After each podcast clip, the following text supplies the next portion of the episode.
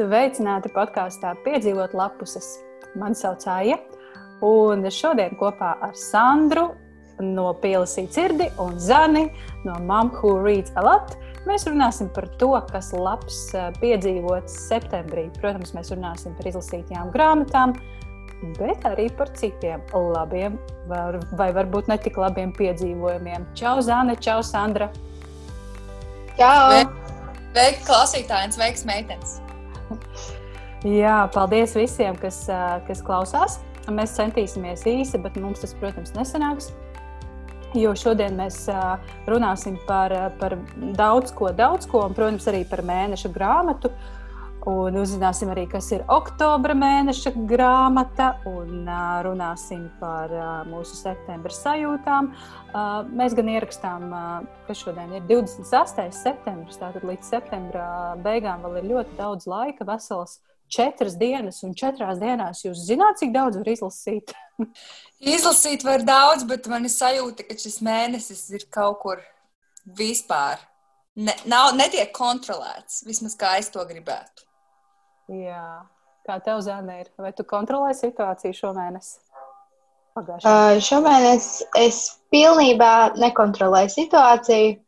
Mani nedēļas izaicinājumi pārvērtās par mēneša izaicinājumu, un mēneša izaicinājums ir labi, ja pusē izpildīts. Pat, pat ne 70%. Labi, ja puse, kāda 40%. Hmm.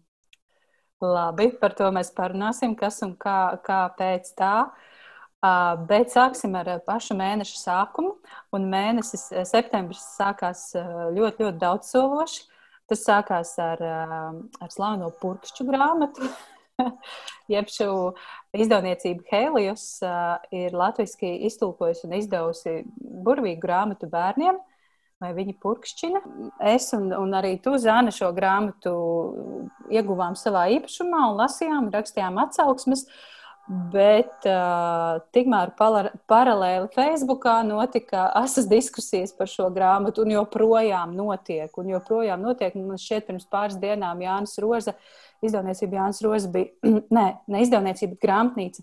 Jānis Roza bija ielikuši savā Facebook lapā, ka ir šāda grāmata un ka to var nopirkt arī Jāņa Rozes grāmatnīcā. Un tur aizgāja diskusija atkal par to pašu. Vai tad ir jāraksta grāmatas un jālasa grāmatas par šo tēmu, un par ko tad mēs tālāk vēl lasīsim un rakstīsim? Tur, tur vēl bija tāds salīdzinājums, labāk bērniem vajadzētu nu, lasīt, stāstīt eh, par 18. novembrī un, un, eh, un vē, Latvijas vēsturi, nevis par purkšķiem.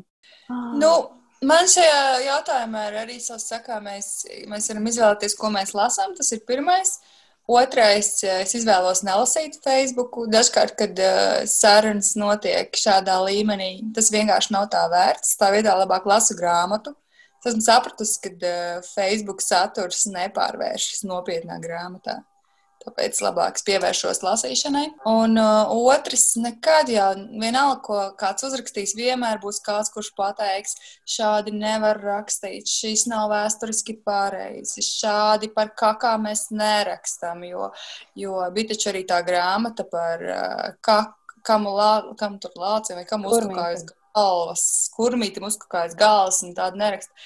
Nu, mēs, jau, mēs jau nepirkšķinām, mēs stulpnējam, mēs lasām grāmatas par princesēm. Ja mēs tā turpināsim, tā audzināt savus bērnus, tad, tad tas eh, vairākās paudzēs arī nemainīsies. Jo ne jau bērniem nepatīk tā grāmata, vecākiem viņa nepatīk. Un tur tā vislielākā problēma, kad vecāki izvēlas to, ko bērns lasīs un ko nelasīs. Nu, tā, tā ir, jā, tā ir viena puse. Mēs, protams, kā vecāki esam atbildīgi un mēs varam to ļoti, ļoti lielā mērā ietekmēt. Dažreiz, diemžēl, dažreiz par laimi. Bet, manuprāt, galvenais jautājums jau ir par to, ka tā grāmata nav par, nu, tā ir par purkšķiem, bet tas ir, tā patiesībā ir, nu, tā ir zooloģija. Tā ir grāmata, kā vienkāršā veidā pastāstīt bērniem, ko zvēri ēd, kas notiek viņu kuģos, vai, vai nenotiek, vai kā tas tiek pētīts, un, un kāpēc tur vispār izraisās tās gāzes. Un, un man patika tā grāmata tieši ar šo informatīvo materiālu, kas man kā pieaugušam cilvēkam likās arī izzinoši un pārsteidzoši, un man bija daudz jaunumu. Un, un tas, man tas absolūti neliekas kaut kas slikts. Man šķiet, ka tā zana bija tu, kas veica šo paskaidrojošu informāciju. Jo bieži vien cilvēki pat ne tikai neizlasot, bet arī nezinot to saka, background, nu, to informāciju, ka, no kurienes tas stāsts nāk un kas viņam ir pamatā, uzreiz izdara kaut kādu kritisku novērtējumu. Un, Zena, man liekas, tev bija ļoti labs skaidrojums, ka šo nav sarakstījuši vienkārši cilvēki, kas grib pasmieties par kaut kādiem purkšiem. To ir sarakstījuši zoologi. Un kā izrādās, ka viens no populārākajiem jautājumiem, kas tiešām ikdienā tiek jautāts no bērniem, ir vai tas un tas dzīvnieks purkšķina. Tas nozīmē, ka tas, eh, šī grāmata ir radusies kā atbildes eh, tāds vēstījums tiem bērniem, kuri gribēja zināt šo jautājumu. Es ierakstīju Instagramā savos storijos, Facebookā es neko nekomentēju, jo negribu iesaistīties diskusijās, jo nekad jau tā nebūs taisnība vienalga, ko teiks. Un, un iegāju jā, Facebookā, ieraudzīju, ka kāds nofotografējis vāciņu, nu, uzrakstījis, kas būs tālāk, un tad sākās asas diskusijas, jo cilvēki ieraudzīja tikai vāciņu ar grāmatas nosaukumu, vai viņi purkšķina, un tad viss kā tā var. Ne viņi ir redzējuši, kas, redzējuši, kas ir iekšā, nekas to rakstījis, nekā, kāpēc, pilnīgi nekā, un tāpēc es arī nedaudz aizsilos, tā kā komentētāji Facebookā, un storijos uh, saliku šo informāciju, ka to sarakstīs zooloģi, kas apvienojusies ar autoru un ilustrātoru. Un ka, jā, un ka tiešām viņai ikdienā bērnu ekskursijās un vispār zoodārzā prasa vai, vai ronas purkšķina, vai tas dzīvnieks purkšķina. Bērns tas interesē, un tā tas arī ir. Es arī esmu dzirdējis, ka bērns prasa zoodārzā mammai, ko viņš ēd, viņš kakā. Nu, bērns tas interesē, un tur nav nekā slikta. Labāk, lai viņi to uzzina no grāmatas, nekā ka viņiem sastāstīs nepatiesu informāciju kāds cits par vienradžiem, kas uh, kakā varavīksnes, uh, tikai kēksiņus. Jā, tu, tu, turklāt man liekas, ka tā Facebookā šī diskusija ir diezgan nu, attāli nosaucam par diskusiju, jo cik es tur palasīju, paspēju palasīt, jo man arī nebija vēlēšanās daudz iedziļināties, tad eh, tā bija vienkārši ieņirkšana. Vismaz tā diskusija, kas bija septembra sākumā, tā bija vienkārši ieņirkšana uh, par tēmu un uh, cik stūbi vispār ir izdot kaut kādas tādas grāmatas un rakstīt un, un, un dot bērniem. Un, ja grāmata tiek vērtēta pirms vispār tā tiek izlasīta, Nu, es to īsti neatbalstu. Ko tad mēs šomēnes lasījām? Um, man, es uh, sekoju jums abām līdzi, un es pie, pieķiksēju sev kaut kādas tādas interesantas lietas, ko jūs pašas minējāt, un par ko mēs mazliet uh, nu, savā starpā grupiņā pa, parunājām. Zana, tu mēneša sākumā vai kaut kur vidū lasīji Markus Zusaka grāmatu zagli, ko izdevniecības zvaigzne ABC nu, ir nesen pārizdevuši. Pirms uh, vairākiem gadiem šī grāmata jā, tika iz, izpirkta, izpārdota un bija ļoti, ļoti liels. Uh, liels uh, dišpārdoklis, ja tā var teikt. Uh, un tad tu sāki lasīt, nu, pastāsti, kā, kā bija. Tu sāki lasīt. Mm, tā vispār tā lasīšana sākās tikai tāpēc, ka es Facebookā redzēju ļoti daudz sludinājumus, ka cilvēki meklē šo grāmatu, jo viņi ir beigusies grāmatnīcās un, un, un pieejami tikai bibliotekās. Mēs nodomājam, labi, nu tad es varētu pieteikties bibliotekā rindā, skatījos, ka tā arī ir diezgan pagaina. Un, un tad zvaigznā pēc ja viņi pārizdeva, un es tiku pie šīs grāmatas, un es sāku lasīt, un kas tas tāds? Par ko jūs te panojat? kāpēc? Vienkārši grāmata, nu, nekas tāds. Tā kā, nebija tā, ka, ak, Dievs, jā, šis ir tiešām labākais, ko es šajā gadsimtā esmu lasījusi, un, un nekas labāks vairs nebūs, un nekad netiks izdots. Tad kaut kur vidū tā grāmata vienkārši pilnībā ierāva mani, un es sapratu, kāpēc. Jo tur pēkšņi sākās visas tās emocijas, Um, sāpes, skumjas, uh, arī prieks un viss, viss kara traģēdija, kas notiek mums apkārt. mm, ebreju izsūtīšana, viss tik labi savijās kopā, un autors ļoti labi to bija uzrakstījis un, un tiešām spēja iekustināt emocijas, un, un man beigās šī grāmata pat ļoti patika. Mm. Bet uh, šis ir tas gadījums, kad cilvēki varbūt izlasīs pirmās simts lapas puses, un viņiem būs tāds, nu, nu nē, nu, man īsti nepatīk, es noliku malā, un es nesaprotu, par ko viss pano, bet es saņēmu, es izlasīju līdz galam, un es to vispār nenožēloju. Mm. Jā, redz, kā tu gandrīz padavies, jo man bija pierakstīts, uh, Zane lasa grāmatu zagli un miek ciet. tas bija tas pirmais komentārs, bet uh, labi, ka tu izlasīji līdz galam, jā. Sandra, tu esi lasījusi grāmatu zagli? Uh, es laikam esmu tas cilvēks, kas iesāka viņu lasīt un nolika malā, bet es līdz simts lapspusēm pat nenonācu. Tas bija pirms daudziem gadiem. Jā, es kļuvu nepopulārs savā viedoklī. Sākās ar visu to, kad es sāku skatīties filmu un aizmigu. Tad es atcerējos, ka māsai viņa ir angļu valodā, un es sāku viņu lasīt, bet uh, es kaut kā man ne, nelasījās, un es viņu ātri noliku malā. Es zināju, ka viņa ir populāra, bet viņa vēl pat nebija latviešu tulkota.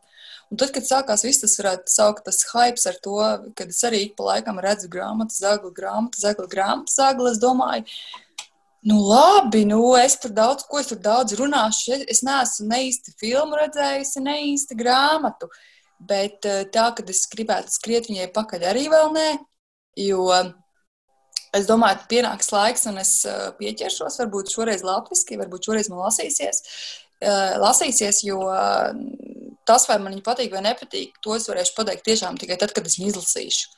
Man kaut kā ne, nesenāca īstais laiks ar lasīšanu, un tāpēc man grūti ko spriest, bet šogad es esmu izlasījis tik daudz, tik daudz labu grāmatu, ka, kā es varu teikt, ka uh, es vēl neraudu par to, ka es neesmu grāmatsakli izlasījusi, jo es raudu, kā es varēju nezināt, ka ir tik daudz labas grāmatas, kas man bija jāizlasa varbūt jau iepriekš. Jā, tas man tāds pārsteigums.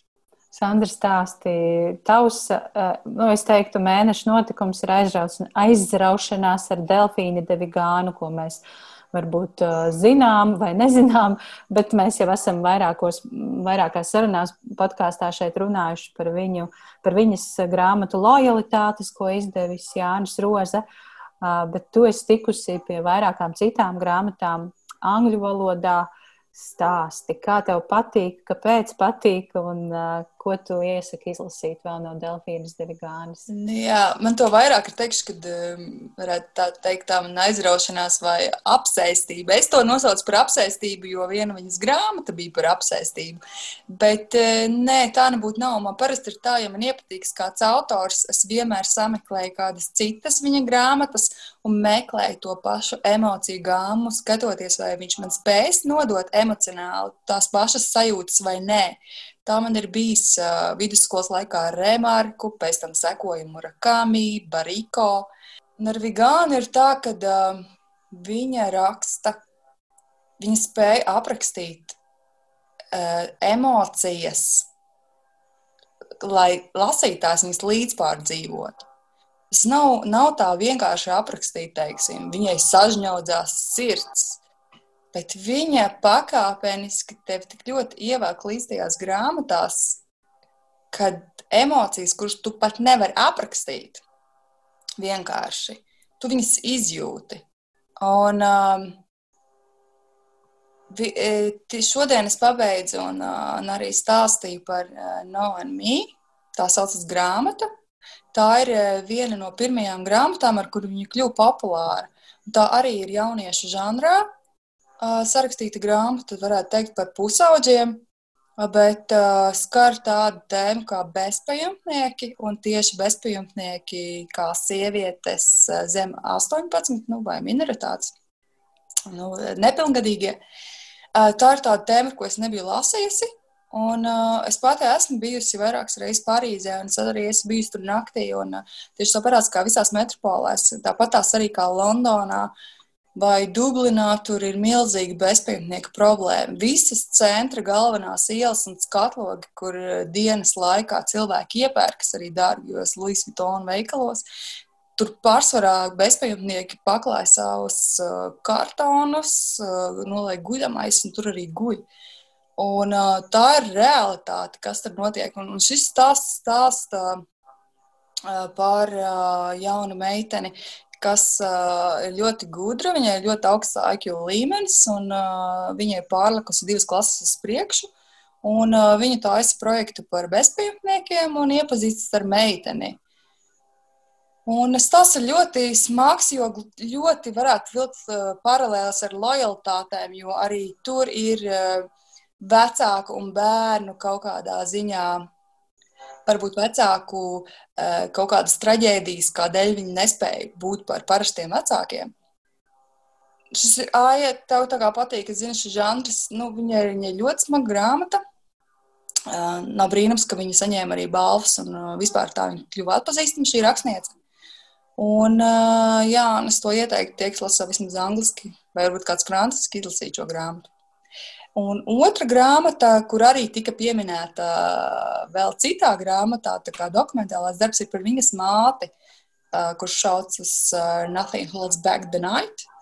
Un viņas māte, tas ir salīdzinoši, bio, varētu teikt, biogrāfisks tāds atmiņu stāsts par viņas māti, kura psihiski saslima Viņai bija visādas saslimšanas, un viņa tika arī hospitalizēta. Un, uh, kāda uh, ir viņas, teiksim, no bērna viedokļa, kā viņa redz to savu māti, kā viņa nespēja tikt galā ar ikdienas tiem notikumiem.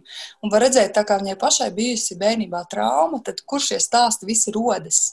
Tas, uh, tās alkas pēc mīlestības no vecāku puses un no vec, eh, vecāku nespēja pildīt savus vecāku pienākumus. Tas viss atsaucas arī viņas grāmatās.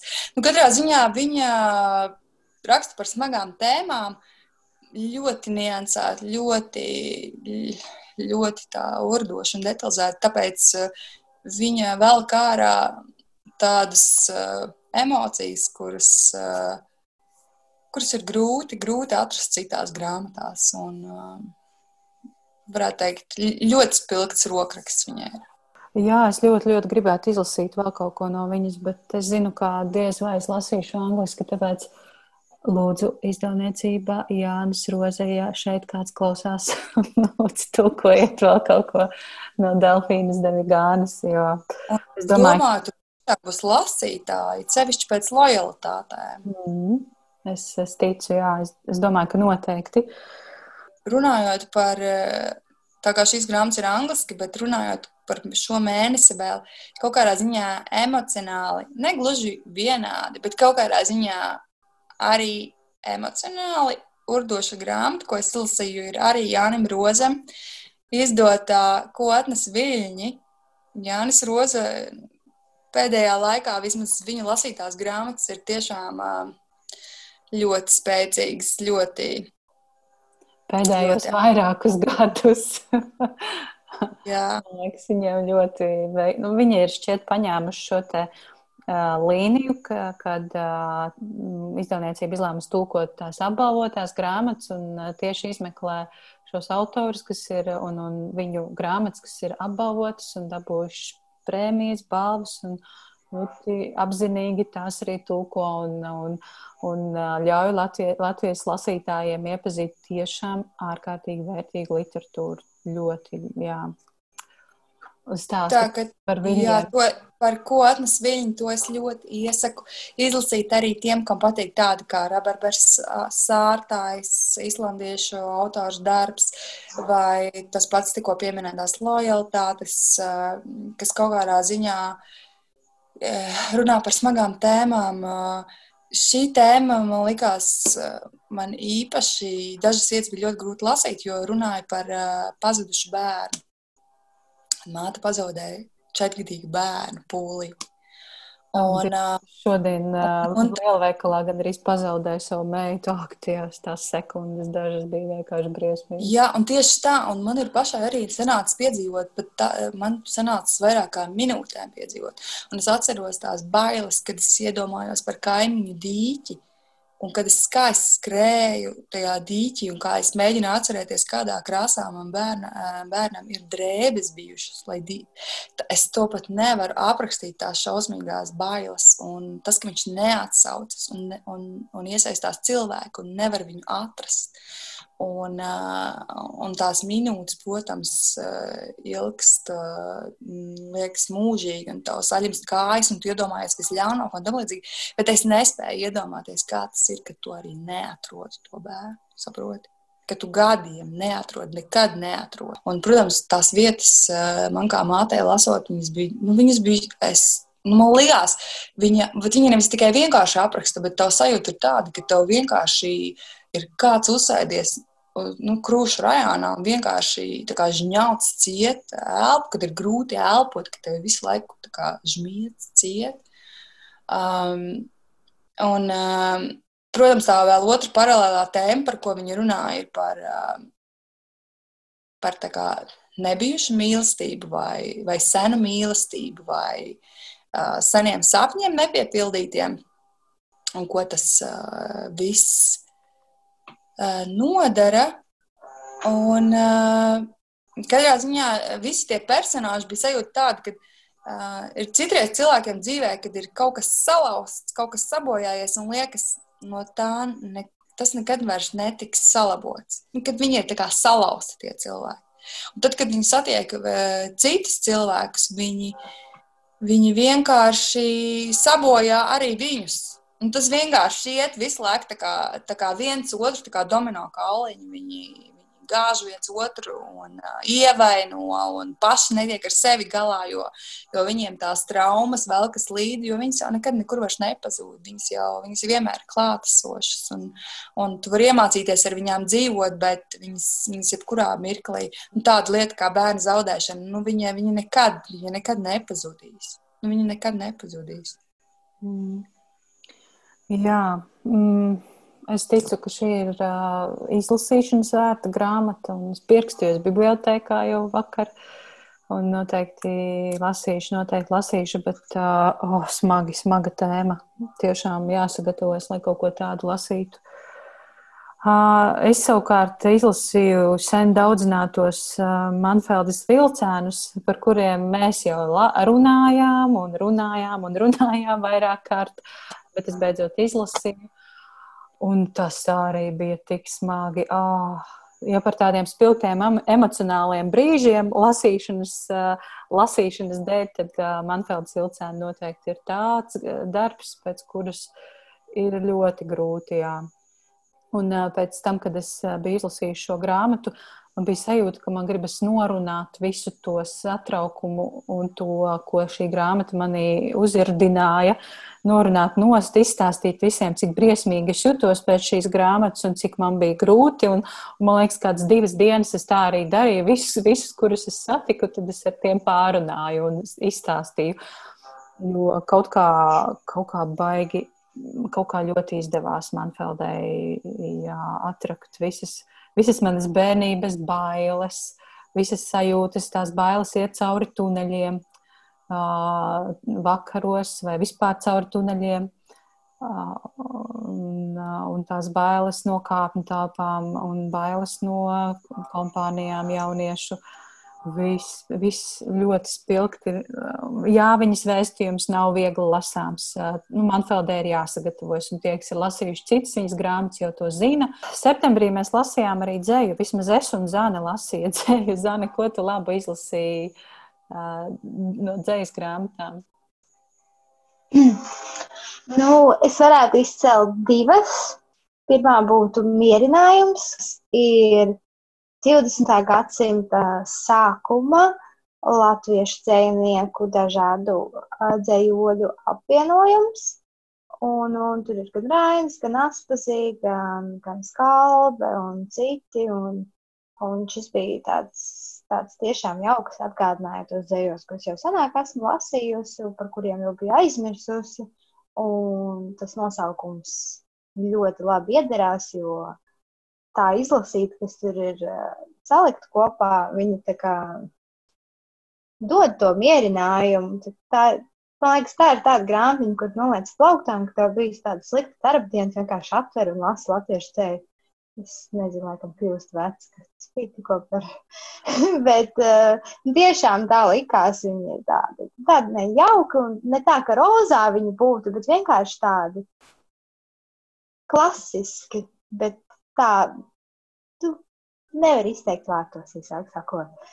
Tādi ļoti labi raņdzējoļi tur bija atlasīti un arī skaldas tieši visi man mīļākie. Un, un otrs būs Toma Treiberga piezoknis, o, grāmata kā mākslas darbs, trūkst muguriņas, uh, cieti pelēki vāki, virsū iespiesti biezoknis, iekšā meža fotografijas un, un, un bet nu tādas tur vienkārši tur skuiņu, neliels tāds kadriņš vai arī loks un viss tik labi kopā saplūst kopā ar šiem dzējoļiem. Un dzējoļi ir nu, tādi ļoti mūsdienīgi, uh, bet ne pārāk, kā saka, nu, saproti viņus, saproti, par ko iet runa. Un, un uh, nevis tā, ka citreiz tu lasi un liekas, par ko, ko tu īsti gribēji pateikt ar šo, bet šeit tu visu saproti, un viss ir tā par ikdienas situācijām, par kādu sāpi vai vai kaut ko tamlīdzīgu, un, un, un man ļoti patika. Mm. Es savukārt dzējas mēnesī, septembrī lasīju bērnu dzēju, un konkrēti tas ir Ievas Mauskas dzējoļus, jo es gatavojos sarunai ar Ievu Mausku, ko jūs varat noklausīties dažas sērijas iepriekš. Un, un man ļoti patika viņas pavasaris lapsa salā, un arī oliņš boliņš man patika. Un vispār es esmu sajūsmā par ievas mauskas bērnu dzēju, jo viņa raksta tā ļoti sirsnīgi, un, un tie viņas dabas un pasaules vērojumi ir tik spilgti. Un, Un tā kā lasot, liekas, nu kā, nu kā es šito tā nebiju iedomājusies, tā kā viņa to tik skaisti uzrakstīja. Kā, ja, ja vajag kādu labu bērnu dzējoli, tad uh, droši šķirstiet ievas mauskas bērnu dzējas krājumiņus. Uh, un vēl par bērnu literatūru runājot, es noteikti iesaku arī Luīzes Pastoras mākslas detektīvus. Ja neesat lasījuši, es iesaku manuprāt, ļoti izzinošas grāmatas. Luīza Pastore, Pastore arī raksta ļoti labā, skaistā latviešu valodā, bagātīgā un uh, tiešām iesaku, un, protams, Elīnas Brasliņas zīmēm es, es īstenībā apbrīnoju, kā, nu, kā tā var uzzīmēt, jo viņa tiešām viņa ir ņēmusi vērā, nu, katra tā grāmatiņa, katra mākslas detektīvu grāmata ir par vienu latviešu mākslinieku, un tur notiek kaut kāds tāds izmeklēšanas kāda lieta, nu, abi, abi galvenie varoņi izmeklē kādu lietu saistībā ar gleznu, un tad Elīna Brasliņa savukārt, jā, Elīna Brasliņa savukārt ir pratusi zīmēt tā, kā tas mākslinieks gandrīz nu, piemērojas to mākslas veidu savam stilam. Pastāstiet, meitenes, kas vēl septembrī no izlasītā ir interesants bijis un ko jūs gribat, gribat atzīmēt, nu, tā pavisam īsi. Zane, Sandra? Mm, man noteikti tā, tās ir lietas, kas krīt no debesīm. Tas bija mans, varētu teikt, mēneša favorīts, bet arī 40 veces man bija ļoti, ļoti patika. Un lietas, kas krīt no debesīm, tāds Mēs jau runājām par šo grāmatu, man liekas, pagājušajā mēnesī, ne? Jā. Mm -hmm. Un, un, un, un e, man viņa plauktā jau bija, un es nezinu, kas ir lasījuši, un es pieķēros, un tāds it kā katrā nodaļā ir kā kaut kas savs, un tad pēc pirmās nodaļas es nesapratu, kā viss ir beidzies jau, un, un, un ka, ka vairs nebūs par to meiteni, kas zaudējas māti kaut kādā pilnīgi absurdā veidā, kuru es līdz galam tā arī nesapratu. Es neteiktu, ka viegla grāmata, jo, nu, tomēr par smagām tēmām arī tiek runāts. Bet uh, nu, tāda tā kā atpūtai un, un, un lai padomātu par, par dzīvi kā tādu, kā viens moments var mūsu dzīvēs izmainīt pilnīgi visu. Mm. Jā, Sandra, kas tev šomēnes topiņā, hopiņā? Pagaidām es esmu izlasījis tikai sešas grāmatas, un man katra tiešām likās īpaša. Vēl es gribēju ieteikt uh, Kafka un ceļojošā lēle, ko sarakstījis spāņu autors. Viņa ir skaitās tā kā bērnu grāmata, bet es viņu lasīju kā pieaugušais un uztvēru to stāstu pavisam savādāk. Grāmata ir vizuāli ļoti arī interesanta. Viņai iekšlapas, pašas iekšas ir tādas oranžīgas, Mm. Mm -hmm. Un uh, tur ir arī zīmējumi. Un tas ir tāds interesants stāsts par uh, tādu leģendu, kad uh, rakstnieks Kafka, ka viņš ir uh, saticis meiteni parkā maziņu, kur ir pazaudējis lēli.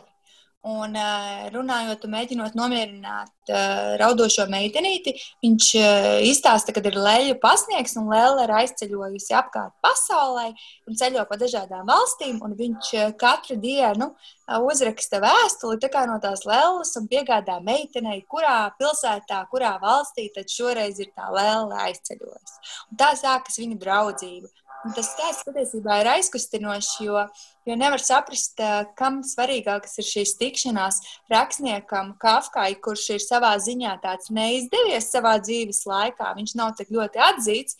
Viņš ir pateicis savam draugam, ka pēc nāves grib, lai visu viņa, visi viņa darbi tiek sadedzināti, lai nemaz nenonāk līdz lasītājiem. Viņš pats slimo ar, man šķiet, tas bija Dilonis, nu, katrā ziņā ar vai ar tuberkulozi, ar plaušu saslimšanu, un viņš eh, pats ir uz miršanas robežas, un nevar saprast, vai viņam jūtot, ka viņam eh, drīz pienāks gals šis fantāzijas lidojums un beidzot ļauties iztēlēt un rakstīt šos izdomātos stāstus, ka tas viņa dzīvi piepilda vairāk, vai, vai meitenei, kur ir pavisam maziņa un kurai šie stāsti un šis notikums arī liekas aizraujoši un, un, un vispār paver citu pasauli. Un, šī leģenda ir tā kā klīst, ir meklēta tā meitene un vēstules. Tas, protams, nav atrasts, bet šis ir spāņu autora rakstnieka variants, kā varēja būt šis notikums. Un tas pat nav svarīgi, viņš bija tieši šāds vai ne tāds, bet katrā ziņā uh, tas, tas ir aizkustinošs. Un uh, es arī pat uh, beigās apraudājos, neskatoties to, ka tā skaitās bērnu grāmata. Tagad ir minēts, ka tas ir top best books of 21st century. Es gan nezinu, kas tas ir par topu, kur šī grāmata ir ielikta no desmit labākajām grāmatām, bet uh, es ieteiktu izlasīt. Viņa ir, uh, viņa ir lasīšanas vērta. Mm, labi, liekam sarakstā. Šis man atgādināja bērnu grāmatiņu vēstules no Fēliksa. Es nezinu, jūs pat nezināt, bet man meitai ļoti mīļa grāmata. Tur ir par zaķēnu Fēliksu, kurš pazūd. Uh, Un tad no viņa šai meitenītei pienāk vēstules no dažādām pasaules malām, kur viņš ir paz, nu, aizceļojis. Tā kā līdzīga, līdzīga ideja. Nu, līdzīgi. tā, ir, tā ir tāda tiešām bērnu grāmata, tur ir ilustrācijām, un tur tiešām ir aploksnītas tajā grāmatā iekšā, kur iekšā ir vēstulīte no zaķēna un tā. Kā Sandra, tu saki, ka tikai sešas grāmatas, tikai sešas, nevar jau teikt, tikai tas ir pilnīgi ok. Sešas nu, grāmatas. Taču... Jā, vienu es vēl ceru izlasīt tavās teiktajās daudzajās četrās dienās. Es vēl tā ceru. Ko tu lasīsi, kas tev vēl padomā? Ir? Es neesmu izvēlējusies labāko grāmatu, jo, kā jau teicu, septembrī man pie katras grāmatas gandrīz bija jāraud vai vismaz tā, ka sažņotas sirds. Un es esmu paņēmusi ķīniešu autores Stinran grāmatas Sky Burial. Tas ir stāsts par Tibetu, par mīlestības stāstu, kur ķīniešu pārim, kur ir tikko precējušies, vīru aizsūta kā, armijas daļa kā jauno ārstu uz Tibetu. Un sievai pienāk ziņa, ka viņš ir aizgājis bojā. Bet sieva tam negrib ticēt, jo neviens nevar pateikt, kas ar viņu īsti notika. Viņa dodas uz Tibetu, kur nodzīvo 30 gadus. Un tas ir patiesa stāsts, ko divās dienās žurnālistei kura saucas, kuras strādā pie žurnālisti, Xinran, to izstāstīja šī, šī konkrētā sieviete. Un viņa teica, ka viņa grib, lai viņa stāstu, izstāsta un uzraksta grāmatu par to, lai zinātu, kā nu, viņas stāstu. Un, un pat viņa pēc tam pazuda. Tā rakstniece nekad viņu vairs nevarēja atrast. Katrā ziņā es domāju, ka šis stāsts arī būs sirdi plosošs un emocionāls. Tā ka septembris man ir vienkārši sirdi plosošs mēnesis. Jā, Zane, kāpēc tu lasīji mazāk nekā citus mēnešus septembrī? Tāpēc, kad um, es atgriezos darbā trīs reizes nedēļā, astoņas stundas dienā, um, plus tur vēl pulciņš tajās astoņās dienās gatavoties, labot darbu. Man septembrī vēl nekas tieši nebija jālabo, es mācu pirmo klasi un otru un trešo. Bet um, otrajā septembrī nedēļā mēs braucām trešajā. Pagājušajā nedēļā. Pagājušajā nedēļā vesels trīs dienas man aizņēma ceļošana uz Liepāju un atpakaļ, un atkal turp, un atpakaļ, un atkal turp, un atpakaļ. Um, ceļš bija grūts, bet tas bija tā vērts. Satikos ar Aiju klātienē pirmo reizi dzīvē. Um, un uh, pamācījos jā, šo to par literatūru un tekstu veidi un vēl citādām visādām lietām, par kurām man nebija ne mazākās nojausmas iepriekš. Jā, mēs ar Zēnu esam uzsākuši studijas, Liepājas Universitātes rakstniecības studijas, maģistratūra. Un, uh, mums ir uh, ļoti liels kurs, kurā ir 17, uh, kopā 17 studentu, un man šķiet tik ļoti dažādi. Mēs katrs esam tik dažādi un atšķirīgi, un katram ir tā pieredze pilnīgi citādāka, tas ir tik interesanti. Un es sēdēju, sēdēju nu, auditorijā, vai, vai kas tā ir, telpā, kur mēs visi esam, un klausījos katru, katru stāstu.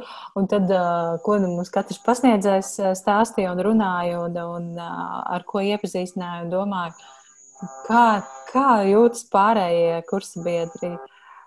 Un, un kā, kā, ko nu kurš domāja? Man bija ļoti interesanti. Vispār es esmu priecīga, ka es esmu sākusi šīs studijas. Es, es jutos pilnīgi atdzīvojusies tajās trīs dienās, un šķita, ka dzīve, dzīve ir restartējusies.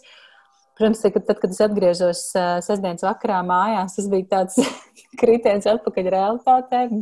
Tu joprojām esi mamma, tu joprojām esi sieva, tu joprojām nu, esi mājās bez darba. un, un kaut gan visu, visu šo nedēļu, es nu, gandrīz visu, kaut kā līdz pusē, jā, es jutos tik ļoti pacelāta. Es lasīju, studēju, meklēju atbildes uz jautājumiem, kas mums tur bija jāmeklē. Un, un, un, un tiešām ļoti kopumā ļoti labi jūtos un priecājos, ka es studēju Protams, ir atgriezies mans mazais, mazais mīļais vēlniņš, ko sauc par perfekcionismu, un kā man viņš. Oh, tas ir tik grūti ar to sadzīvot. Es nezinu, kā lai no tā tiek vaļā. Nu, kā pieņemt, nu, ka nav jāizdara viss perfekti. Nu, man nav jāizlasa visa literatūra un visas grāmatas un viss saraksts. Ka es drīkstu, nu, ka es drīkstu to neizdarīt, ka es drīkstu kļūdīties. Uh, ok, var tur runāt par to, ka man taču ir vajadzīga stipendija, jo bla, bla, bla. Bet, nu, nē, nu, nu, nu ļaut sev kaut kā atlaist dažas lietas būtu ļoti, ļoti veselīgi. Citādi es uh, varu atpakaļ iekrist um, tādā diezgan dziļā bedrē, kurā es jau esmu bijusi. Tā. Jā, mums īstenībā mums ir ļoti interesants uzdevums. Es, es domāju, ka es par to drīkstu runāt, jo šis būs, šis, šī saruna iznāks jau tad, kad mēs visi būsim nodevuši šos darbus. Un, es, es ceru, ka tas nav baigi neētiski, ka es tagad stāstu, ko mums uzdod pasniedzējs. Bet mums ir ļoti es domāju, ka Mums ir ļoti interesants uzdevums, par ko es varētu rosināt, padomāt arī tevi, Sandra, un arī pārējos klausītājus mums bija jāuzraksta, mūsuprāt, interesanti, oriģināli latviešu prozas darbu nosaukumi, kas man lika rīktīgi padomāt, ko es vispār esmu lasījusi. Jo, manuprāt, lai runātu par nosaukumiem, ir jāzina arī saturs. Man tā šķiet. Un, un, un padomāt vispār par latviešu literatūru, kas tajā ir interesants, oriģināls un kopumā diezgan interesants jautājums. Sandra, Kā tev liekas, vai tev nāk prātā kāds oriģināls latviešu prosas virsraksts? Jā, visi koki izgājuši. Margarita. Pervaņecka. Perņecka. Mm -hmm. Nu, tas pats arī kaut vai mājās pārnāca basa. Arī tas man liekas uh, interesants nosaukums. Mm. Zinu, ko es rakstīju. Uh, es nezinu, vai to var saukt par interesantu, bet es rakstīju par to, ka, manuprāt, uh, interesanti ir tas, ka darba nosaukums kļūst jau kā pastāvīgs jēdziens.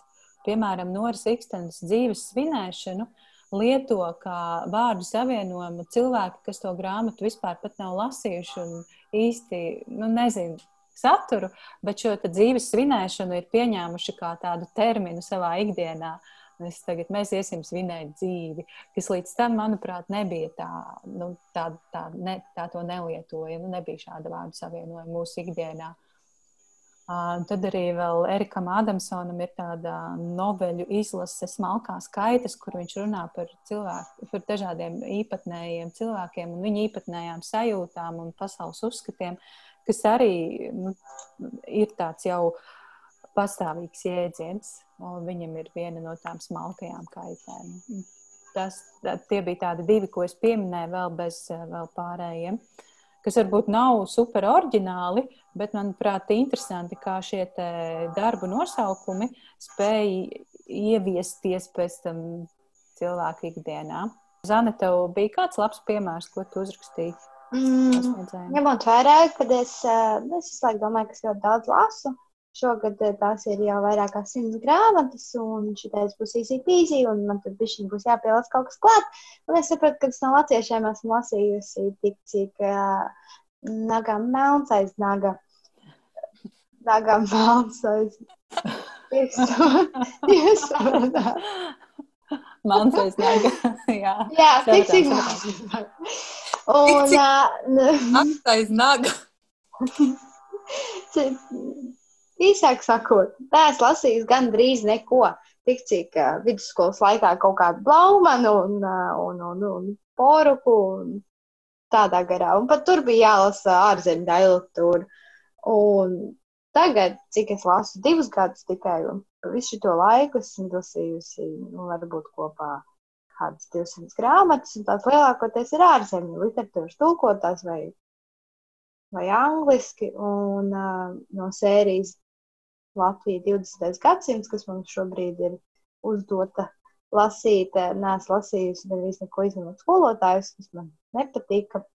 Un domājot, oriģināls nosaukums, man arī bija svarīgi zināt, kas ir iekšā rakstīts, nevis tikai uh, kāds ir virsraksts, jo iespējams tas virsraksts izklausās oriģināls, bet tas saturs pilnībā kaut kas cits. Tur ir Un es apspriedos ar savu draugu, kas arī ir beigusi baltu filologus, uh, ko kā viņi saprot šo nu, oriģinālos virsrakstus. Viņi saka, ka nu, patiesībā jebkurš virsraksts nav ir oriģināls, ja tāds jau nav bijis. Un, un, un, uh, jo vairāk es lasīju šos virsrakstus, jo vairāk man likās, ka viņi visi ir vienkārši parasti virsraksti. Sākumā, nu, sāc lasīt, nu, tur, piemēram, tas pats grāmatzēgums, tas nav latviešu, bet, nu, jā, grāmatzēgums, diezgan oriģināls nosaukums. Un tad izlasi vēl 50 nosaukums, tev liekas, visi ir vienkārši parasti grāmatu nosaukumi. Un es kā vienu no oriģinālajiem nosaukumiem izvēlējos zaļo zemi, jo es atceros, ka es viņu lasīju vidusskolas laikā. Un, un, un ka tā zaļā zeme tur, zeme tur bija pilnīgi pārnesta nu, nekas patiesībā nav tik zaļš, kā, uz, kā vāk virsraksts to vēsta. Un otru es izvēlējos dvēseli puteni, jo, manuprāt, tas lieliski attaino, attaino grāmatas saturu un ir patiešām oriģināls nosaukums. Dvēseles jau neput, bet kara laikā viņas aiziet tā kā sniegputenis. Kaut kā tam līdzīgs arī pierakstīja. Nu jā, klausītājiem arī mājas darbs. uzrakstiet, uzrakstiet man, kā jums liekas, kuri ir oriģināli nosaukumi latviešu prozā. Interesanti, neparasti, oriģināli, mm, smieklīgi, aizraujoši, jebkādi, kas jums lik, likušies interesanti vai palikuši prātā. Nu, ko? Septembris vairāk vai mazāk izrunāts. Mēs esam jau ļoti daudz runājuši. Mēs varētu ķerties pie mēneša grāmatas. Jā, Sandra, tu izvēlējies septembra grāmatu. Stāsti, kāpēc tu izvēlējies, ko tu gaidīji no šīs grāmatas, un vai tu sagaidīji to, ko gaidīji. Cik daļrunīgi no manas puses. Tas ir viss sarežģītākais jautājums, ko tu vari uzdot, kāpēc es izvēlējos. Jo, ja man likt izvēlēties grāmatu, ko es esmu lasījusi, tad es tev varētu paskaidrot, kāpēc tieši šo grāmatu. Kāpēc tas būtu vērtīgi un kāpēc citiem lasītājiem būtu vērtīgi. Tā kā grāmatas mēs neesam lasījuši, un tas ir tiešām pilnīgi, pilnīgi tas var arī pašam nepatikt. Tagad tas ir ļoti liels risks, ko mēs, ko mēs veicam. Un uh, katrā ziņā es pati esmu priecīga par šo izvēli, jo man pašai grāmata patika. Es uh, nebiju gaidījis, ka man uh, patiks kaut arī tēma, vēsture un uh, un tādas smagie notikumi, un arī daļa izsūtījuma, un, un, un, un čeka, un, un VDK, un tādas lietas man par to patīk lasīt, bet nevienmēr tas izpildījums ir lasīšanas vērts. Tad šis Igaunu Raimonda Kaugvera grāmata, kura daļai ir arī autobiogrāfiska, jo viņam pašam dzīvē arī ir visi e, šie gadījumi notikuši ar viņu, gan e, bēgšana uz Somiju, gan e, izsūtīšana, gan karošana vienā vai otrā pusē. Līdz ar to šis darbs bija tāds, kā varētu teikt, viena cilvēka laika posma skrējiens cauri visām valdošajām varām, kas nu, 28. gadā dzimušam cilvēkam varētu būt bijis jāpiedzīvo. Un, ja mēs runājam par pašu pieminamu autoru, tad eh, jā, viņš ir viens no populārākajiem uh, igauņu autoriem, kurš uh, sākumā ir savu dzīvi vadījis, arī strādājis par tramvaju vadītāju, un tikai 60. gados viņš kļuva, varētu teikt, par pilnu laiku rakstnieku. Un daudz viņa darba ataino gan šo pašu kara tēmu, gan arī visādas atkarības un sociālās problēmas. Viņš ir sarakstījis vismaz 20 grāmatas, dažādas lugas, raidlugas, un uh, katrā ziņā viņš ir diezgan ražīgs autors bijis. Bet, uh, lai arī viņš ir bijis populārs, ne par visiem darbiem, teiksim, ir uh, lieliskas atsauksmes no pašiem lasītājiem. Un, kā saka, Viņš ir viens no tiem autoriem, kad, ja viņš ir populārs, tad, kā mēs sakām, mēs piedodam viņam arī, ja viņam gadās kādreiz netika labs darbs. Tad, tad, tad varētu teikt, ka Igaunijas lasītājs um, to piedod. Un kas ir interesants šai grāmatai, ir tas, ka viņa savā ziņā iznākusi un izgājusi cauri padomu laika cenzūrai, jo visas tās pieminētās lietas, lai arī viņas tiek sarakstītas uh, caur antivaroņa tēli, jebkurā gadījumā viņas ir eh, man no mūsdienu skatu punkta liekas eh, šokējoši atklātas, jo gal galā tomēr varonis eh, parāda savu nostāju pret padomi varu, arī pret to pašu vācu varu, ka viņam, ka viņam nezinu, riebas vācieši un, un, un, un, un viņš negrib būt arī ne komunists, nekas. Līdz ar to visiem, visiem ir radies jautājums, kā šī grāmata ir tikusi izdota. Jā, šo grāmatu Latvijas ir izdevis, izdevis um, apgāds Mansards, par ko viņiem paldies. Un uh, tūkojas Gunters Godiņš no Igauņu valodas. Uh, Zēna, tu vari kaut ko pastāstīt par šo lielisko tulkotāju? Jā, Par viņu iepriekš es nebiju dzirdējis pilnīgi neko. Ko tas tāds - kā izrādās? es, es nopietni es neatceros cilvēku vārdus un uzvārdus, un tā ir liela problēma. Es nekad neatceros, kas ir sarakstījis kuru grāmatu, un arī galveno varoņu vārdus bieži vien aizmirst. Tāpēc tas, kas bija rakstīts uz grāmatas vāciņa, ka šis autors šo grāmatu izlasījis jau 80. gados, ka viņš ļoti gribēja tulkot tulkotājs. Un, un ļoti gribēju viņu iztulkot, bet uh, Latvijas cenzūra tajā laikā, protams, ka nebūtu kaut kāda laidus cauri. Un tāpēc uh, tas viņa sapnis tajā laikā vēl nepiepildījās. Bet, nu, rekā sanāca, ka 2016. gadā viņš to izdarīja. Kaut arī tas vairs nav tāds tā kā izliektais ābols, kā tas bija tajā laikā. Um, bet tik un tā viņš ir ļoti apmierināts ar to, ka viņam tas ir izdevies. Un viņš ir izrādās 46 darbu autors. Viņam ir 13 tulkojumi un 26 atzīmējumi. Viņš, uh, viņa populārākais uh, dzīslis krājums, CV, ir politiskā dzēja. Um, Nē, esmu lasījis, diemžēl, bet um, lasīju daudz labu atsauksmi. Un viņš tulko gan no angļu, gan no igauņu, gan no somu, gan no zviedru valodas, gan turp, gan atpakaļ. Un populārākās grāmatas, ko es tur atradu, ko es pat vismaz pazīstu un esmu dzirdējis par tādām, ir uh, Lotte no Lottes zemes. Uh, vairākas tās ir, viņš ir tulkojis, tad mums vēl ir Kaka un Pavasaris, ko nelasīt cilvēkiem, kam dzīvnieks purkšana. Uh, Un biedrs bērns, ko es domāju, ka visi zina, un, un, un, un, kas bija arī ļoti laba grāmata. Tas bija ļoti labs tulkojums. Un pats pēdējais, ko viņš bija iztulkojis no igauņu valodas, ir Kalevdēls, par ko viņš ir arī saņēmis Latvijas un Igaunijas ārlietu ministriju valodu balvu par tulkojumu. Mm -hmm. Nu jā, un Gunters Godiņš ir iztulkojis arī 40 sveces kuras šo grāmatu mums kopā šomēnes lasīja arī citi lasītāji, par ko liels paldies.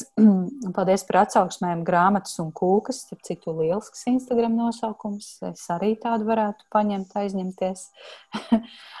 Lasīja arī Janetes Būkšelf, Ilze Mežā lasa, un es lasu Japāņus, tā kā mums atkal bija daudz atsauksmju. Uh, Es saņēmu arī mazu vēstulīti no rases Bugavičūtas pēces, vienkārši tādu īsu uzsaukumu, ka šī ir lieliska grāmata. Un, un redzēju, ka šo grāmatu bija iegādājusies arī Inka Grensberga. Es ceru, ka plašākas atsauksmes mēs vēl saņemsim arī no, no šīm abām latviešu rakstniecēm. Uh, Um, jā, Sandra, tu jau pieminēji to, ka ir tiešām pārsteidzoši, ka vispār šī grāmata iznāca Itālijā 1965. gadā. Uh, un uh, es lasīju un domāju, labi, labi tas varonis ir tā kā antivaronis. Uh, pieņemsim, ka tāpēc tā grāmata varēja iznākt uh, tajā laikā.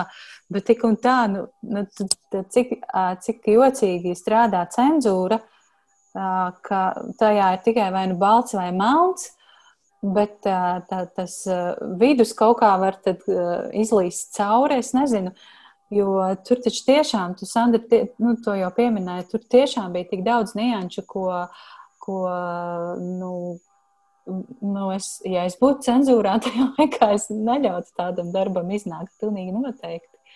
Jo tur, jā, šīs, te nu, nu, tas, ka viņš jau nevienu brīdi nepateica, es esmu par šo padomu savienību, manuprāt, nevienu brīdī uh, viņš ne, nu, nebija tās padomu varas pusē, ko ļoti labi varēja just, manuprāt, ļoti labi. Un, nu. jā, stāsts saka Sandra. Jā, ko es gribēju pateikt, kad uh, man, man likās, ka viņā skan, nu, neskroties to antivaronī, arī personiskajos viedokļos, teiksim, attiecību jautājumos, kur man viņš likās kā antivaronis, tā viņa rīcības sekas. Neskatoties uz to, man ļoti patika tas galvenais, tā ideja, ko pauda varonis, ka viņš saka, ka viņš vienkārši grib dzīvot. Viņš negrib karot, viņš grib vienkārši iet strādāt, nodibināt ģimeni, lai viņam blakus ir mīļotais cilvēks, viņš vienkārši grib dzīvot. Viņš negrib būt netur pie vācijiem, netur ne vāciešiem, netur pie krieviem, netur tādā armijā, netur tādā politiskā kārtā. Viņš vienkārši grib dzīvot, viņš grib būt kā, kā cilvēks, un, un viņš to tik ļoti izjūt, ka, viņam, ka viņš nedrīkst būt neitrāls. Ka viņu, ka viņu noliek, ka viņu pazemina tikai tāpēc, ka viņš pasaka, ka viņš negrib izvēlēties puses. Viņš, viņš negrib būt nevienā pusē. Un viņi noliek, jo pasaka, ka tu tur esi uh, niecība, tu tur esi tāds, un mēs tevi jebkurā gadījumā sūtīsim uh, uz, uz izsūtīšanu nometni, tāpēc, ka uh, tu neizvēlies puses, vai tāpēc, ka tu izvēlies puses. Un tas ir pats briesmīgākais, kad, uh, kad cilvēks būtu vienkārši grib būt cilvēks un dzīvot vienkārši, vienkārši parasta cilvēka dzīvi, mācīties, dzemdēt bērnus, nezinu, audzināt ģimeni, iet uz darbu. Viņš vienkārši grib būt parasts cilvēks.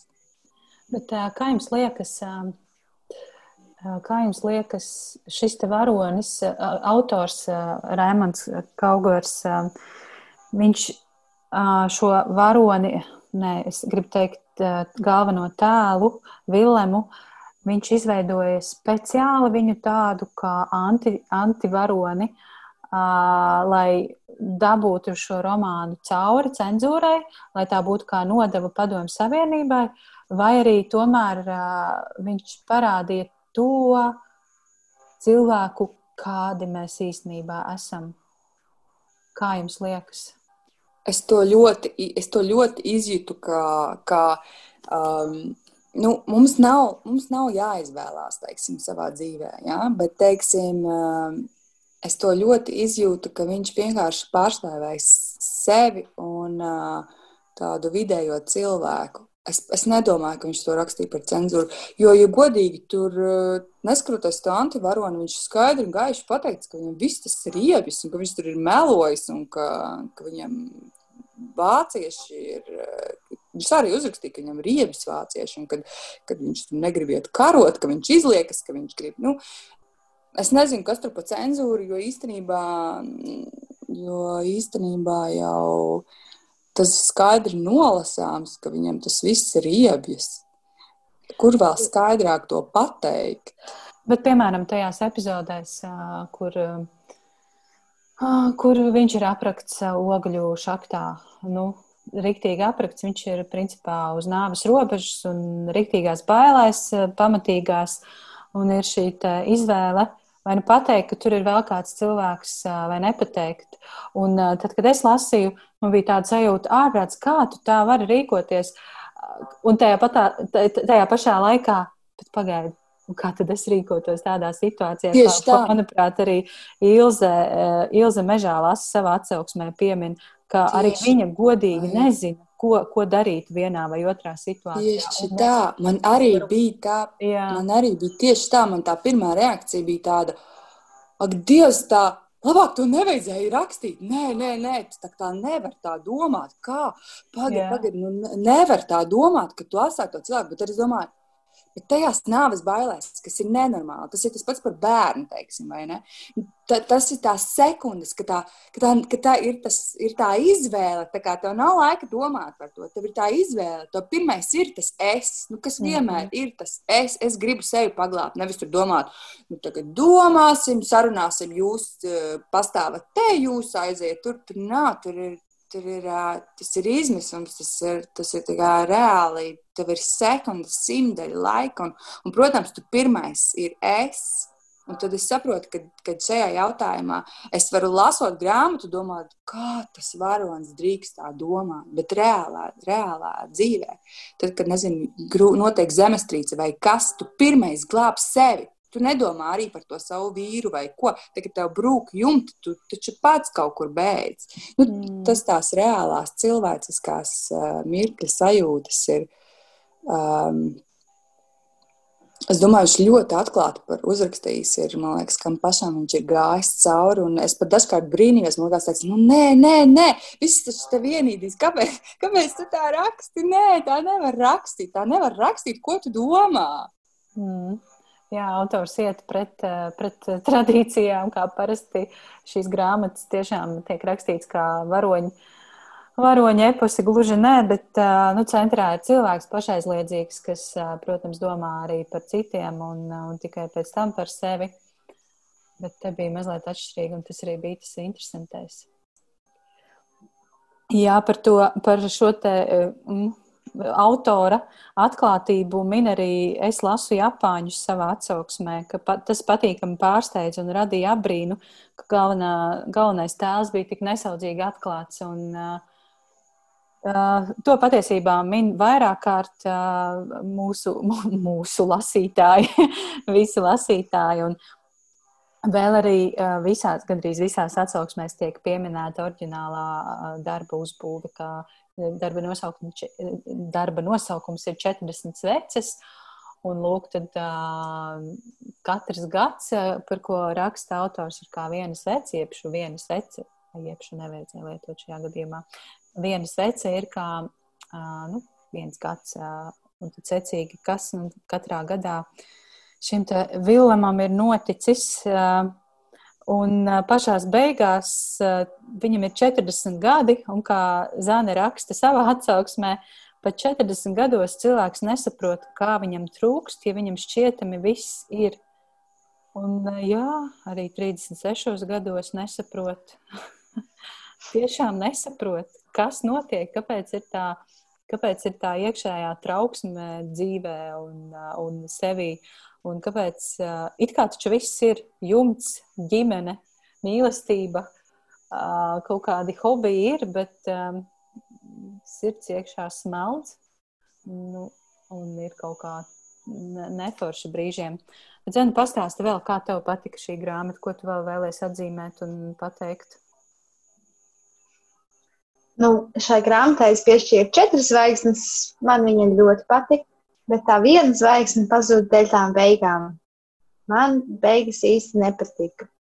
Jo, lai arī viņš neizvēlējās to pusi, ne vāciešus, ne īsti dzimteni, ne padomu savienību, beigās viņš bija tik sadrumstalots un, un, un, un tad viņš, viņš ir kopā ar to māju, nē, māju sauc meita ar aizmirsu vārdu.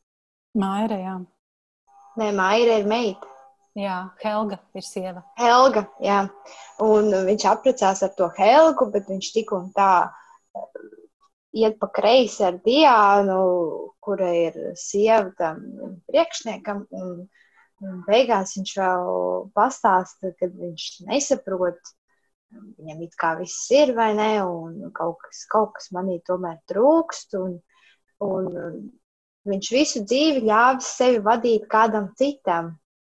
Un, un tad, kad beidzot viņš varēja uzņemties pats atbildību par savu dzīvi, viņš tik un tā pieslēdzās Diānai, tik un tā pieslēdzās viņas vīram.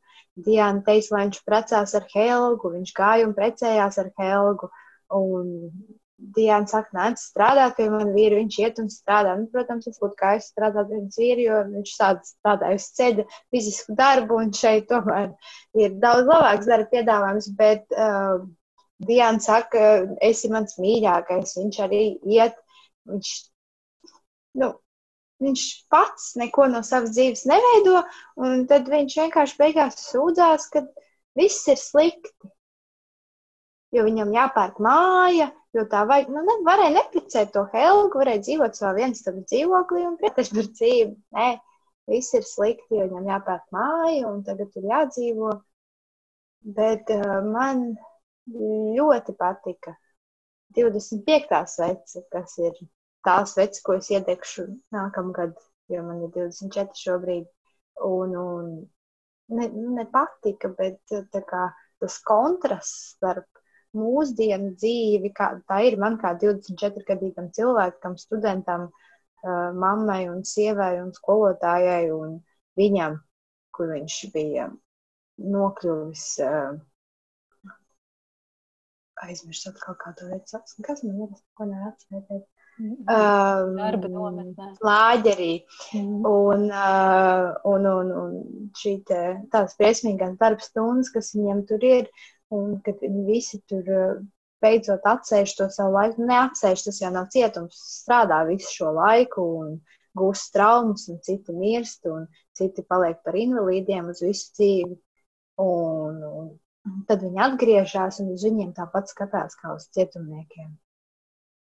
Kā uz nodevējiem, un kā uz kaut kādiem briesmoņiem, kas, kas uh, kas iznīcinās atkal valsti un noteikti nogalinās un aplaupīs. Nu, protams, bija arī tādi, kas bija slepkavas un arī tika uz turienes sūtīti, bet nu, bija arī ģimenes tēvi, kas vienkārši kaimiņš nosūdzēja, viņam īsti nepatika tas, kaimiņš uz viņu paskatījās. Tas nosūdz, ģimenes tēva aizsūta, viņš atbrauc ap, viņš nespēja atrast darbu, viņš netiek sabiedrībā ieredzēts. Tas, uh, tas ir vienkārši nepareizi. Un, jā, šī atšķirība starp mūsdienām un laiku pirms, pirms mazāk kā pirms simts gadiem ir uh, milzīga.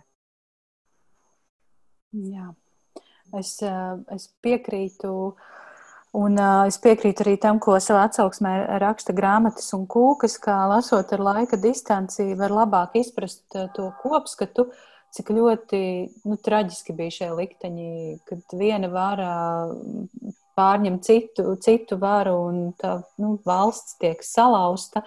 Sa salauzīta gabalos, un uh, cilvēks ir vienkārši kaut kur pa vidu, nu, tā kā tāda marionete, kuru mētā no vienas puses uz otru un pieprasa pieslieties kādai varai un ticēt vienam, vienam viedoklim. Un, un savukārt Anētas Būkšalfa ļoti labi raksta arī, ka dzīvojot tagad brīvībā, mums ir ļoti vienkārši spriest, vērtēt, nosodīt un, un pārmest un teikt, kāpēc, kāpēc tu dari tā vai kāpēc tu dari citādāk. Uh, Un, protams, nu, tas, cik ļoti mēs varam novērtēt to dzīvi, kas mums ir šobrīd, šī grāmata to noteikti ļoti atgādina. Bet es arī vēlreiz un vēlreiz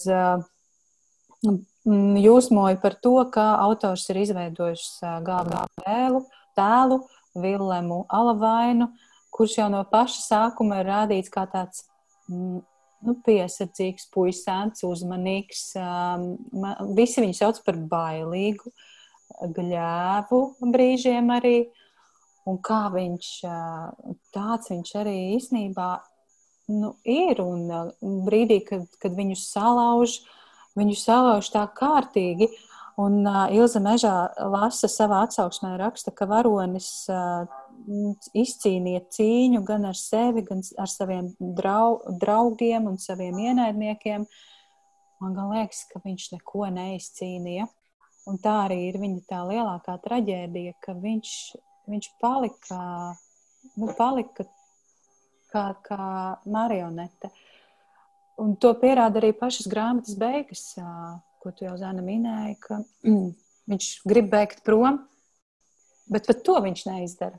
Es saprotu, ka, nu, ka viņš neko ne, nu kā, nu, viņš, viņš paliek tur, kur viņš ir. Vismaz es tā sapratu tās grāmatas beigas, jo uh, nu, viņam pat, tu, tur, tu, pat tādu izvēli viņš savā dzīvē neveic. Viņš paliek tur, kur viņš ir, kā nu viņu dzīve ir iegrozījusi. Un, uh, manuprāt, tas ir tāds uh, ļoti spēcīgs uh, nu, varoņa likteņa rādījums ļoti pamatots no paša sākuma līdz beigām. Tulkotājs teica, ka viņš kaut kad bija vēlāk, pēc autora nāves, jau sen saticis viņa meitu, un meita bija atradusi tēva tieši tajā izsūtījumā darba nometnē rakstīto darbu, kurš tika tikai 2010. gadā izdots Es nevarēju, nu, viņš man liekas, katrā ziņā nav tulkots latviešu, es nevarēju viņu īsti atrast. Un, uh, tas būtu interesanti izlasīt. Uh, tās ir viņa tieši atmiņas vēl vairāk par to darba nometni, kas varētu būt arī kāds skarbs uh, stāsts. Uh, kaut arī šajā darbā bija ļoti, ļoti, ļoti daudz, uh, man liekas, par to izstāstīts. It kā īsi, bet tajā pašā laikā ļoti piesātināts un notikumiem pārbagāts, kas man atgādināja citas grāmatas, Kalimas stāstus arī par Krievijā smago darbu nometnē, tieši ogļraktuvēs, kas ir viens no tādiem smagākajiem darbiem. Um, tieši tur piedzīvotais. Jā. Nu, tā kā tā, bet man ļoti interesē, ko mums nesīs oktobris. Un par oktobra grāmatu šis būs kaut kas jauns un nebijis. Jo mēs šoreiz sadarbosimies ar Latvijas mēdījiem, kas man piedāvāja grāmatu, kas vēl nav iznākusi. Bet, bet varbūt, iznāks... jā, varbūt jau ir iznākusi.